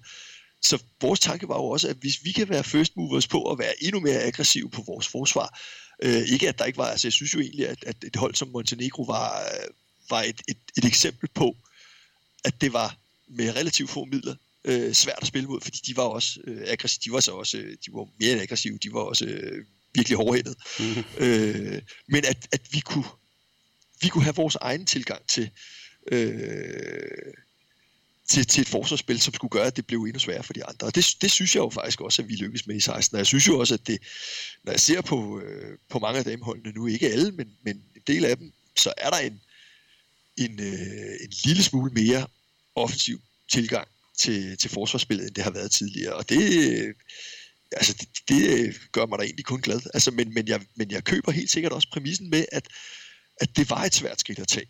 Øh, og det kan også godt være, at det var svært. Altså, det, det ved vi jo ikke, men, men hvis vi bliver ved med at stå og sige, at det bliver for svært, så kommer vi jo heller ikke videre. Altså, og så udvikler vi ikke ret meget, så bliver vi bare ved med at hænge fast i det samme. Og så, så tror jeg ikke, at vi øh, med, med det alligevel begrænsede antal, vi, øh, vi er i Danmark, så kommer vi ikke til at, at vinde ret meget, hvis vi ikke også engang imellem er innovative og, og, og prøver at skabe noget andet, end, øh, end det alle de andre har, eller bare låner for de andre konstant. Men det er måske også en, en, en, en stor kamp, du valgte at, at, at tage op der. Altså det, jeg, jeg kom til at tænke på, her i sommer så jeg vores øh, øh U19 kvindelandshold spille slutrunde. Der spillede de mod Holland. Øh, det gik rigtig fint, og så lige pludselig så tænker hollænderne, nu går vi op og dækker noget, jeg ved ikke om det var noget 3-3 eller 4-2 eller sådan noget hvor så vores danske spillere gik nærmest fuldstændig i panik. Altså, det var ligesom, at de aldrig havde prøvet at møde et offensivt forsvar før. Og så ville jeg da drille lidt. Der var du jo trods alt landstræner på kvindesiden der. Hvorfor, hvor, altså, hvorfor er det lige pludselig så svært for nogle ellers meget dygtige 19-årige øh, danske håndboldpiger? Jamen, det er fordi, de ikke er vant til at spille mod det jo. Altså, det er, det er jo... Det har jo været ligesom... Og det kan jeg huske fra min egen tid også som, landstræ, eller som øh, landsholdsspiller, at når vi mødte øh, især øh, hvad hedder det, afrikanske lande, øh, eller for eksempel asiatiske, som dækkede ultra offensivt. Øh, og dengang havde man ikke mulighed for at spille 7 mod 6, mm. så der kunne man ikke øh, spolere det ved at, at spille med en ekstra mand. Der gik vi fuldstændig i stå, fordi vi havde ikke lavet andet end at spille mod 6-0 med stødende træer. Det var det eneste, der blev spillet i Danmark. Det var også det, vi mødte fra stort set alle de andre europæiske øh, lande øh, på der. Øh, måske øh, kroaterne og en gang imellem spanierne. Altså da Spanien også begyndte at arbejde med, med offensiv fløje, øh, og Baks, der lå stødt ud under, der gik det også galt for rigtig mange, når de skulle møde dem, fordi de ikke var vant til at spille mod det. Så, så det er, altså, faren ved at have og være så fastlagt på, at det er sådan her, vi spiller håndbold, kun i Danmark, øh, som, som jeg synes, vi nogle gange har været, øh, den er jo, at når vi så møder noget, som bare er minimalt anderledes, så går vi fuldstændig i stå. Altså jeg oplevede det jo også selv som, som herretræner. I, øh, vi havde faktisk en, en, jeg tror første gang vi gjorde det, det var i en kamp op i Aalborg, hvor Nikolaj Jacobsen var træner for Aalborg, hvor vi er bagud med 7-8 stykker eller sådan noget, øh, og bliver kørt ud af banen. Og så går vi frem og spiller 4-2 med Magnus øh, Bramming og Patrick Wismark, og så lavede vi Johan Jacobsen, der var højreback fra, øh, fra Aalborg, det, så lod vi ham tage beslutninger, fordi vi mente, det var ham. Han, han kunne skyde, men han var måske ikke den bedste til at, at spille de andre fri og sådan noget. Så vi satte på, at det var... Og det ender med, at vi... Jeg tror ikke, jeg tror ikke vi når at vinde, men vi spiller uafgjort, tror jeg. På et kvarter eller sådan noget, henter vi de her 7-8 mål. Altså så det der med at, at være omstillingsparate og kunne en gang imellem godt være klar over, at du ikke måske er fuldstændig perfekt til at dække 3-2-1, eller fuldstændig perfekt til at dække øh, 4-2 eller 3-3. Det er ikke det vigtige. Det vigtige er, at du udfordrer de andre på det, de er vant til. Og når du gør det, så er de måske endnu dårligere til at løse det, end du er til at, at, at tage initiativet. Øh, og der, der kan man sige, det var nok den største kamp egentlig i alt det der. Det var, at, at frygten, det var, det var nemmere på herresiden at få overbevist spillerne. Det behøvede jeg næsten ikke overbevist om. De sagde bare, ja, så det prøver vi, det gør vi. Mm. Det, det gjorde pigerne ikke. Det, de kunne godt nok ikke lide, når tingene ikke var trænet, og ikke var forberedt, og så var det godt nok noget lort. Og det ærger mig, og det håber jeg, at man tænker over ude i klubberne, at man uh, prøver ting af en gang imellem at, og, og det er jo lidt tilbage til den der snak med især i ungdomshåndbolden, som jeg jo godt ved, at, at den er, det er en, en meget nuanceret, det har vi sikkert slet ikke tid til nu, øh, og lang snak om, om man skal gå efter at vinde, eller om man skal blive ved med at prøve at udvikle. Jeg, jeg synes jo godt, man kan begge ting. Altså, og jeg synes jo, man skulle prøve, i stedet for at bare være låst, så prøve at vinde med udvikling med for eksempel at dække andre forsvarsformer og, og udfordre de andre. Så velvidende, at man ikke selv er fuldstændig perfekt til. Øh, det, det synes jeg kunne være sjovt, og jeg ved godt, at det, altså, det er sindssygt svært. Øh, og, og, og, og det ligger jo dybt i, det ligger også dybt i mig, at, at selv når jeg træner min søns U13 hold, øh, selvom jeg tænker meget over det her med, at jeg gerne vil prøve at lære dem en masse ting, så kan jeg da også godt lide at, at give dem fornøjelsen af at vinde en gang imellem. Det er der, da ingen tvivl om. Så, øh, så det er en svær øvelse, men, men det er virkelig en øvelse, vi skal, vi skal øve os i i Danmark. Det, det, det synes jeg ikke, vi er så gode til. Det kunne vi godt blive bedre til. Jamen, jeg kan nemlig huske, hvis jeg lige skal udfordre lidt, jeg kan huske, øh, efter den her OL-kvalifikation i 16, der var du ude, jeg kan ikke lige huske det ordret, men der var du i hvert fald ude at sige sådan noget med, at du savnede lidt den der, hvad kan vi sige, øh, blod på knæene, som man havde for eksempel med Montenegro. Altså det her med at virkelig slås for fædrelandet. Den der, ja. det der, man kan godt sige, vinderinstinkt. Ja. Og så, så kunne jeg nemt, fordi jeg, jeg tror, det, jeg er selvfølgelig på alle måder enig med dig i, at det, det handler jo om at få udviklet for pokker i de her ungdomsrækker. Ja. Men det handler måske også om, hvis vi skal udfordre lidt, at lære at vinde. Ja, Jamen, det skal du også. Det skal du også, men, men jeg synes jo ikke, at, at hvis, hvis, hvis, hvis devisen bliver, at du skal være perfekt til et eller andet for at vinde, så er det klart, at så, så vil du være det, du lærer. Altså, så står du bare med det produkt, når det er, at de er færdige som ungdomsspillere, så ved de, at de har lært, de kan dække 6-0 med støden træer. Det er det, vi har vundet på i al vores tid. Så når de kommer op som senior, så vil de helst ikke, jeg ved godt, nu er det karikeret, ikke? jeg ved godt, det ikke helt er sådan, mm. men så tror de mest af alt på 6-0 med støden træer, fordi det er det, de kan finde ud af, og det er det, de har lært. Det er det, de vinder med. Eller øh, for eksempel angrebsmæssigt, at vi, og det er jo sådan meget i ungdomsrækkerne, at vi kan køre en overgang, fordi det kan de aldrig ikke finde ud af. Mm. Det er i hvert fald det, man tit ser, og især i de mindre overgange, at, at uh, se en overgang afsted, så uh, sejler det andet forsvar, fordi de ikke uh, kan finde ud af at bytte, og så kan vi lave et nemt mål, og så vinder vi på den måde. Og så er der en eller anden øh, øh, sød lille højrefløj eller venstrefløj, som aldrig lærer at spille håndbold, fordi han, det eneste, han skal lave, det er at løbe overgang, for at en af de andre kan, kan lave mål. Øh, og det er jo der, hvor det bliver lidt trist der, hvor jeg gerne ville hen, det var jo, at jeg tror godt på, at man også på ungdomsholdet kan vinde ved at udfordre hele tiden. Øh, og så er jeg med på det her med, med mandsopdækning og alle de der ting, som man har haft at tiltage. Altså, og, og det ved jeg ikke helt. Jeg, der ved jeg faktisk ikke engang selv, hvor jeg selv placerer mig, fordi jeg blev jo selv mandsopdækket. Jeg så også, at Michael Hansen blev øh, mandsopdækket, og jeg synes jo ikke, altså det var jo ikke noget, der, der kompromitterede vores udvikling som håndboldspillere som sådan. Øh, jeg tror da ikke, Michael Hansen var blevet meget bedre af ikke at blive mand som det. Ikke? Nej, øh, det, jeg sige, være, det, det, det tror jeg også, at Andersen er blevet hele sit, hele sit liv er blevet mand som det.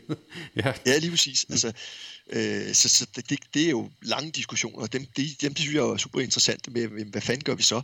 Men jeg synes, det her med at, at være mere alsidig, og ikke være så bange for at prøve andre ting, fordi man faktisk tit finder ud af, at det, det var jo noget af det, og det havde jeg jo tid til i Holstebro, startede op med at sige til dem, gå så langt frem, at I føler, at det er ubehageligt. Så kan vi altid derfra trække det en lille smule tilbage, så vi føler, at vi måske står tættere sammen. Og, og, og det, var, det var sjovt at opleve, fordi de oplevede lige pludselig, at det der med at komme så langt ud i banen og tage farten af en spiller, det gjorde, at han var meget nemmere at have med at gøre, end en, der kom blæsende ned i hovedet på dig, hvor du stod nede på 6 meter, og de andre kunne ikke nå at bakke op eller noget som helst. Så de fandt ud af, at så længe vi kan bruge vores fødder og, og flytte os til siden og sådan noget, jamen, så er det faktisk rigtig behageligt, når det er, at de kun har de første tre skridt, eller en dribling til at starte op på, fordi så er de meget nemmere at have med at gøre. Og, og det oplever man, synes jeg jo, rigtig mange ungdomsspillere, som kommer op, og det, det, det, de kan ikke rigtig finde ud af, fordi de er vant til at stå nede og få lov til at spille og komme løbende og alt sådan noget der. Og det er jo det, der sker med sådan en ungdomslandshold, når de så lige pludselig møder tre, tre for, forsvar. Så kan de ikke få lov til at løbe de løbebaner, som giver dem mål hjemme i Danmark, hvor de ligger og laver øh, sikkert rigtig meget fint spil, men hvor det alt sammen næsten er myntet på enten at spille mod et 5-1-forsvar maksimalt, men i, i de fleste tilfælde 6-0 forsvar. Øh, og, og jeg tror helt sikkert på, at hvis vi er lidt mere, og det er jo en, det er jo en kulturel ting og en mental ting, også for trænerne, hvis vi er lidt mere åbne for at variere vores forsvar noget mere, og give spillerne en fornemmelse af, at det kan godt være, at vi ikke er perfekte til det her, men, men øh, vi kan drille de andre, vi kan prøve, så kan du sagtens opelske den der iver og lyst til at, at vinde. Og den kan du jo også, øh, det, det er jo en del af, det, af mit syn også på styrketræning, at det der med at lide lidt, når du træner, øh, det giver dig altså også stål til at, at lide lidt i kampe, og, og kæmpe lidt mere, når det er, at øh, du hopper ind over stregen og får blod på knæene og alle de der ting. Øh, fordi du engang imellem også lige kan nå i et splitsekund at reflektere over, hvor surt det har været at skulle ligge og, og lave bænkpres og benbøj og løbe øh, intervaller og alt det andet, som de færreste håndboldspillere, jeg kender, øh, grundlæggende bryder sig særlig meget om. Øh, men hvor du til sidst måske kan komme til at elske det, fordi du ved, det giver dig noget andet. Men i den her sådan, øh, øh hvis vi lige bliver lidt med, med det her talentudvikling, i den her sådan øh, tanke om udvikling, og vi skal have alle med og sådan noget, der er jo så samtidig også den her debat om, at vi mangler nogle enere. Ja. Og, og nu kan jeg også sådan sige det, hvis jeg skal blive meget personligt, øh, der mangler jo den nye Claus Brun eller Rikke Hørlykke, altså nogen, som, som, som kan det der ekstra, som kan tage, som øh, nogle gange også tager 20 skud, det, det har du da i hvert fald gjort, men som også ja. kan tage sit hold øh, på nakken. Ja, ja, ja, jeg tænkte, at du var øh, 12 år, jeg, jeg gætter på, at du også gerne vil vinde håndboldkampe. 100. Altså, det var det eneste, jeg tænkte på. Øh, men, men, men jeg kan jo så også sige med glæde, at jeg blev jo så også opflasket i et sted, hvor at, at jeg mange gange fik at vide, at uden de andre, så vinder du ikke en flyvende fis. Altså, så kan det godt være, at du øh, kan lave 10-12 mål, øh, og at folk de sidder og klapper dig på ryggen og siger, nej, hvor er du dygtig, men du vinder ikke noget. Og, og det er jeg jo dybt taknemmelig for den dag i dag, at, øh, at der var nogen, der var øh, fornuftige nok til at blive ved med at, at banke det ind i hovedet på mig, fordi det, det, det synes jeg, der har udviklet mig til at være væsentligt mere nuanceret, både menneske, men også en, en, en dygtigere håndboldspiller. Øh, så altså, jeg synes jo ikke, de ting behøver at gå imod hinanden. Mm. Øh, og jeg tror jo, det her med altid, det, det kunne jo måske, ja, det, jeg aner det ikke, men det kunne jo måske gøre, at nogle af dem, som, som har et lidt andet syn, altså som måske ikke befandt sig godt, fordi jeg, jeg befandt jeg mig ikke specielt godt, også fordi jeg ikke var særlig høj i det, og det er også ærligt indrømmet, at det interesserede mig ikke altid helt vildt meget at dække op, men det kunne jo være, jeg aner det ikke, det kunne jo være, at det havde interesseret mig at dække 3-3. Mm. Men det prøvede jeg aldrig. Fordi at, at hele min måde at bevæge mig på, og være aggressiv og egentlig ville stjæle bolden, altså jeg kan se det selv den dag i dag, nu var jeg ude at spille med øh, min gode ven Martin Bager, som er øh, træner for vores øh, 3. divisionsherre i, i Virum. De havde lidt problemer med noget ferie og alt sådan noget der. Det har man i 3. division åbenbart. øh, så spurgte han, om, om ikke jeg kunne stille op øh, og spille 3. division, og det gjorde jeg så. Øh, og, og hvor jeg så også ender med at skulle stå i forsvar, hvor jeg godt kunne se sammen, det, det går ikke. Altså for det første, så kan jeg slet, jeg kan slet ikke dække 6-0 nu. Øh, det, en ting er jeg for gammel, jeg, jeg kan heller ikke finde ud af det. Altså, det, det er jeg ikke god nok til. Men, men det at bevæge mig ud i banen selv den dag i dag, det synes jeg jo er 10 gange sjovere. Mm. Så jeg er med at storme rundt, og, og var jo så også smadret i kroppen to uger efter.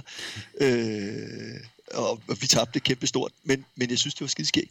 Og jeg synes jo blandt andet, det var sjovt, fordi jeg fik lov til at dække offensivt. Øh, og egentlig gøre det, som, som jeg også kunne bidrage på en eller anden måde med. Øh, hvor, jeg, hvor jeg følte, at, at, at, øh, at det var sjovt. Ikke? Og der, der tror jeg at du kan animere flere spillere til, hvis du er lidt mere altid i din tankegang i forhold til ikke kun at dække det her øh, 6-0, som jo også er rigtig, rigtig fint på mange punkter, men, men også i ungdomsrækkerne, at man kan udfordre med noget, nogle flere forsvar. Jeg vil sige, det glæder mig faktisk lidt, at, at når jeg ser på, på den U13-række, som min søn han spiller i nu, der er der mange hold, som, som prøver at dække 5-1 og dække lidt anderledes. Øh, og det tror jeg altså er en af vejene til, at vi udvikler os en lille smule mere, end vi måske har gjort i en periode, hvor at vi har været vant til øh, at spille mod 6-0 næsten alle sammen. Nu vi lige er ved det her med banen, så kan vi jo lige bringe den advarsel, at håndbold er jo et hårdt spil, så det, det kan godt tage 14 dage, specielt hvis du er blevet smidt frem der foran. Nej, ja.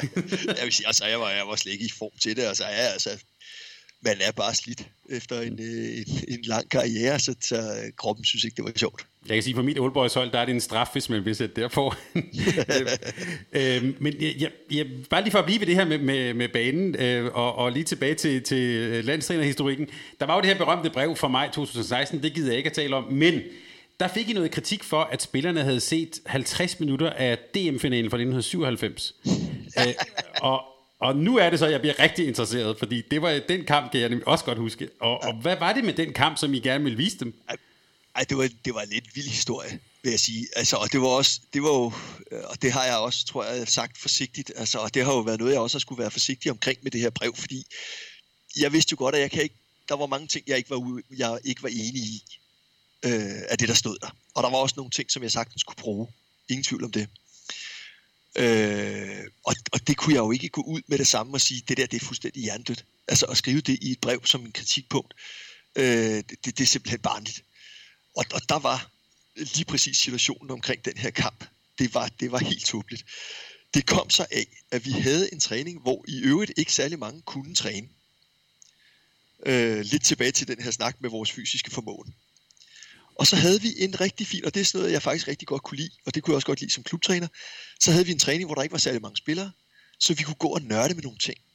Og der gik jeg sammen med Christina Christiansen, øh, som, som nogen også fejlagtigt tror, at, at jeg ikke brød mig specielt meget om. Det, det, jeg brød mig i den grad om øh, Christina Christiansen.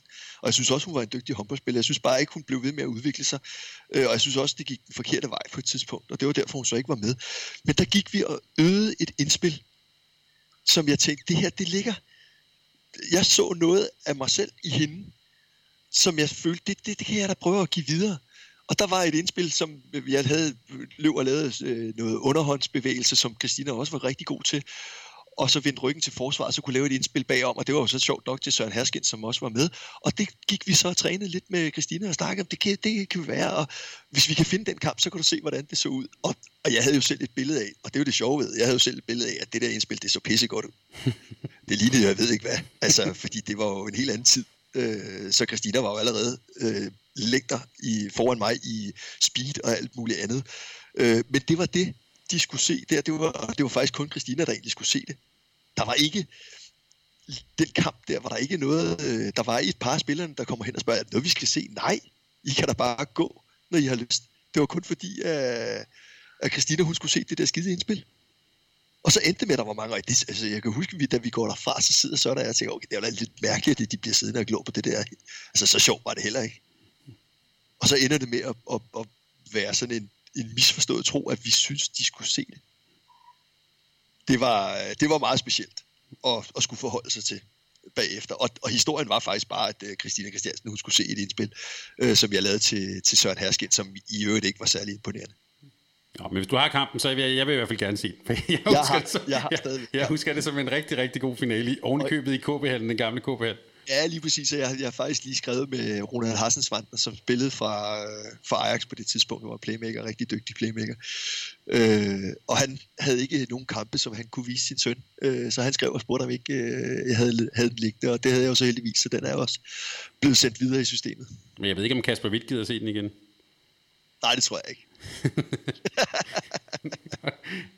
Nå, Claus, jeg tænker, vi lige, øh, jeg, har, øh, jeg tænker, at vi lige slutter den her fantastiske samtale af med, at vi nu er, jeg startede med at sige, at du er arbejdsløs. Ja. Øh, og så nu tænker jeg, at vi simpelthen lige skal lave sådan, øh, ikke sådan en jobansøgning, men, men at vi lige sådan skal putte lidt, lidt ord på, hvad kunne du egentlig, øh, jeg har sagt, hvad kunne du egentlig godt øh, tænke dig? Du har jo meldt klart, at du gerne vil have et nyt trænerjob. Så jeg kunne for, ja, hvis vi nu skal, skal lave sådan en henvendelse, hvad er det egentlig for en træner, som din nye arbejdsgiver kommer til at få? Øh, jamen altså, hvis, hvis man bare har fulgt en lille smule med i, øh, hvad der sådan generelt er, hvordan jeg har optrådt de, gennem de sidste fire og et halvt år, så, så er det jo det, du får. Altså, øh, og det, det er jo egentlig lidt tilbage til den her snak omkring, hvad, hvad det bedste råd til Jesper kunne være. Hold fast i dig selv. Altså, du får det, du ser. Øh, du får en engageret, øh, øh, og synes jeg også selv dygtig, øh, velforberedt træner, øh, som også kan være med til at flytte. Øh, ikke bare øh, det hold, han, øh, han kommer til at træne, men, men, men også kulturen i den klub, øh, som, som han træder ind i. Altså fordi det, øh, og det er jo lidt tilbage til også det der med, at jeg er opflasket i en, i en klub, og er jo også aktiv dernede nu, i Virum Songfjord Håndboldklub, øh, hvor at vi kom hinanden ved, øh, og hvor vi så det som et, et, et, et vigtig faktor i det at, at skabe en kultur både på et hold øh, af seniorer, men, men, øh, men også for resten af, af ungdomsafdelingen. Fordi vi ved, at, at de ting, der foregår på øverste niveau, de smitter af, hvis det er, at øh, man lader dem være tilgængelige øh, for de yngre. Så, øh, og det, man kan sige, det, det tror jeg jo også, at du har kunne følge med på, på allertætteste hold, fordi sådan var det jo også øh, tidligere inde i FIF især, øh, da man havde øh, divisionshold, at, at øh, ungdomsspillerne kom ned øh, i hallen og så øh, kampene, og det glæder mig også at se faktisk, når jeg har været inde og se i København. Jeg synes jo, det faktisk har været ret imponerende at se, hvor mange folk de har fået i, i hallen, og hvor mange ungdomsspillere de også får ind og ser øh, mange af kampene. Jeg kunne også godt ønske mig, at man snart øh, fik spillet mange af de her seniorkampe øh, på et tidspunkt, hvor de yngre de også kan komme ind og se. Jeg ved godt, at det selvfølgelig er noget, noget økonomisk øh, i forhold til tv og alt sådan noget, men, men det er bare ærgerligt, at, at vi ikke kan have flere øh, ungdomshold i hallerne. Det var lige et tidsspring. Mm. Men altså, du får engagement på fuld drøg. Du har brugt, og du nævner også selv, du kommer jo i den grad på alle måder fra en håndboldfamilie, øh, men, men hvor, øh, hvad er det egentlig ved den her sport, som stadigvæk kan motivere dig, og jamen, vi kan jo bare høre på din stemme her, den der, sådan, det der engagement og glæden ved, ved håndbolden. Hvor, hvad er det ved, ved spillet, som, som er så fascinerende for dig? Men altså, jeg, jeg, jeg synes, der er så mange facetter. Altså, der er, jeg synes, der er mange facetter i, i spillet, som er super interessante. Øh, at, at det her med, at du, ikke, øh, du er ikke bundet af en speciel måde at spille på, eller et spilsystem, eller et eller andet. Altså, at, at du, du kan udfolde tingene på mange forskellige måder, og, og det synes jeg er super interessant. Øh, jeg kan godt lide, at det er fysisk. Altså, øh, ikke at jeg selv egentlig prøvede mig sindssygt meget om at, at få tæsk, og så igen, altså jeg kunne godt lide fornemmelsen efter en kamp, hvor man virkelig øh, var blevet, altså havde givet alt, men også havde fået øh, knups, og måske også en gang imellem givet lidt. Øh, så, så hele den der intensitet, der kan ligge i, i samspillet på, på, på dit eget hold, men også spillet mod modstanderne, øh, synes jeg er vildt fascinerende. Øh, så synes jeg, øh, det arbejde med mennesker, se hvor du kan flytte dem hen, øh, der giver håndbolden en, en bred vifte af forskellige veje, du kan gå, fordi det ikke altid, altså det, nu har jeg jo, jeg har en meget fysisk, øh, tror jeg generelt, øh, tilgang til det. Øh, du kan sagtens gå alle mulige andre veje. Altså, et godt eksempel er jo øh, legendariske Mik Hagenbo, som, som måske ikke går så meget op i fysikken, men som går rigtig meget op i, i øh, måden at, at angribe forsvarsspil, for eksempel øh, 3-2-1 forsvarsspillet på, som, som jo også er fascinerende, og som er en anden vej. Og det er jo det, jeg synes, der er fedt ved håndbold, at du kan vælge mange veje, øh, uden at, at du kan stå og pege fingre og sige, det der, det er, det er decideret forkert øh, hele tiden. Altså, der kan være noget godt i det hele. Det synes jeg er, er fascinerende, og det, det kan jeg sgu godt lide. Og som træner, du har jo haft både som i, i klubber og på landshold mange forskellige træner, også mange forskellige øh, øh, typer. Er der nogen, du har lært særligt af, eller har du sådan stjålet hele vejen rundt? Hvad det bedste, du Altså, der er ingen tvivl om, at jeg er meget påvirket af, af Olle Olsen, som, øh, som jeg havde, og det er jo også derfor, jeg har den, den, den fysiske tilgang til, øh, til håndbolden, altså med, at fysikken kommer først, at det er den lavest hængende frugt, som vi bare skal plukke med det samme. Sørg for, at vi er knivskarpe rent fysisk, fordi så, så kan vi udfolde alle de ting, vi gerne vil, rent forsvarsmæssigt og angrebsmæssigt, meget nemmere, hvis vi er stærke og hurtige og kan hoppe højt. Øh, og der, der var Olle jo, og det var han ikke bare i, øh, i Vium og, og til dels også i Danmark, fordi at, at han som en af de første danskere, eller svenskere i den danske liga, var med til at påvirke det i den retning. Øh, Øh, men var det jo også i Sverige, øh, har jeg jo så fundet ud af senere hen, at, at han var en vigtig faktor i, øh, i den måde, svenskerne greb øh, deres fysiske træning an på øh, rundt omkring i mange af klubberne. Øh, så, så der er ingen tvivl om, at, at hvis jeg har ikke været, jeg har ikke dyrket øh, idoler eller sådan forbilleder på, på, på fanbasis eller noget, men, men hvis, hvis der er en, som, som i den grad har påvirket mig på, øh, på i hvert fald øh, min måde at gribe det an på som træner, øh, omkring det fysiske og have en retning, så er det da, da Ole Olsen. Og så er der mange af de ting, kan man sige, jeg har lært igennem øh, min tid i Virums Sovnfri, øh, med de træner, jeg har haft, og den tilgang, man har haft til fællesskaber og alt sådan noget, at det i den grad også har, har gjort, at, at det her med, jeg tror på, at, at det ikke er, at vi behøver at elske hinanden, men at vi, vi skal kunne omgås hinanden med respekt og, øh, og passe på hinanden på, på hold og i klubber. Det, er, det er en, vil altid være en vigtig del af mig. Claus, tusind tak for en virkelig inspirerende samtale. Det, du er god, og det synes jeg også, du har været undervejs, men øh, jeg er helt sikker på, at vores lytter også vil, vil hente stor inspiration i det her. Tak for din tid i den her øh, øh, coronatid. Du, du, må, du må videre til de hjemlige syssel.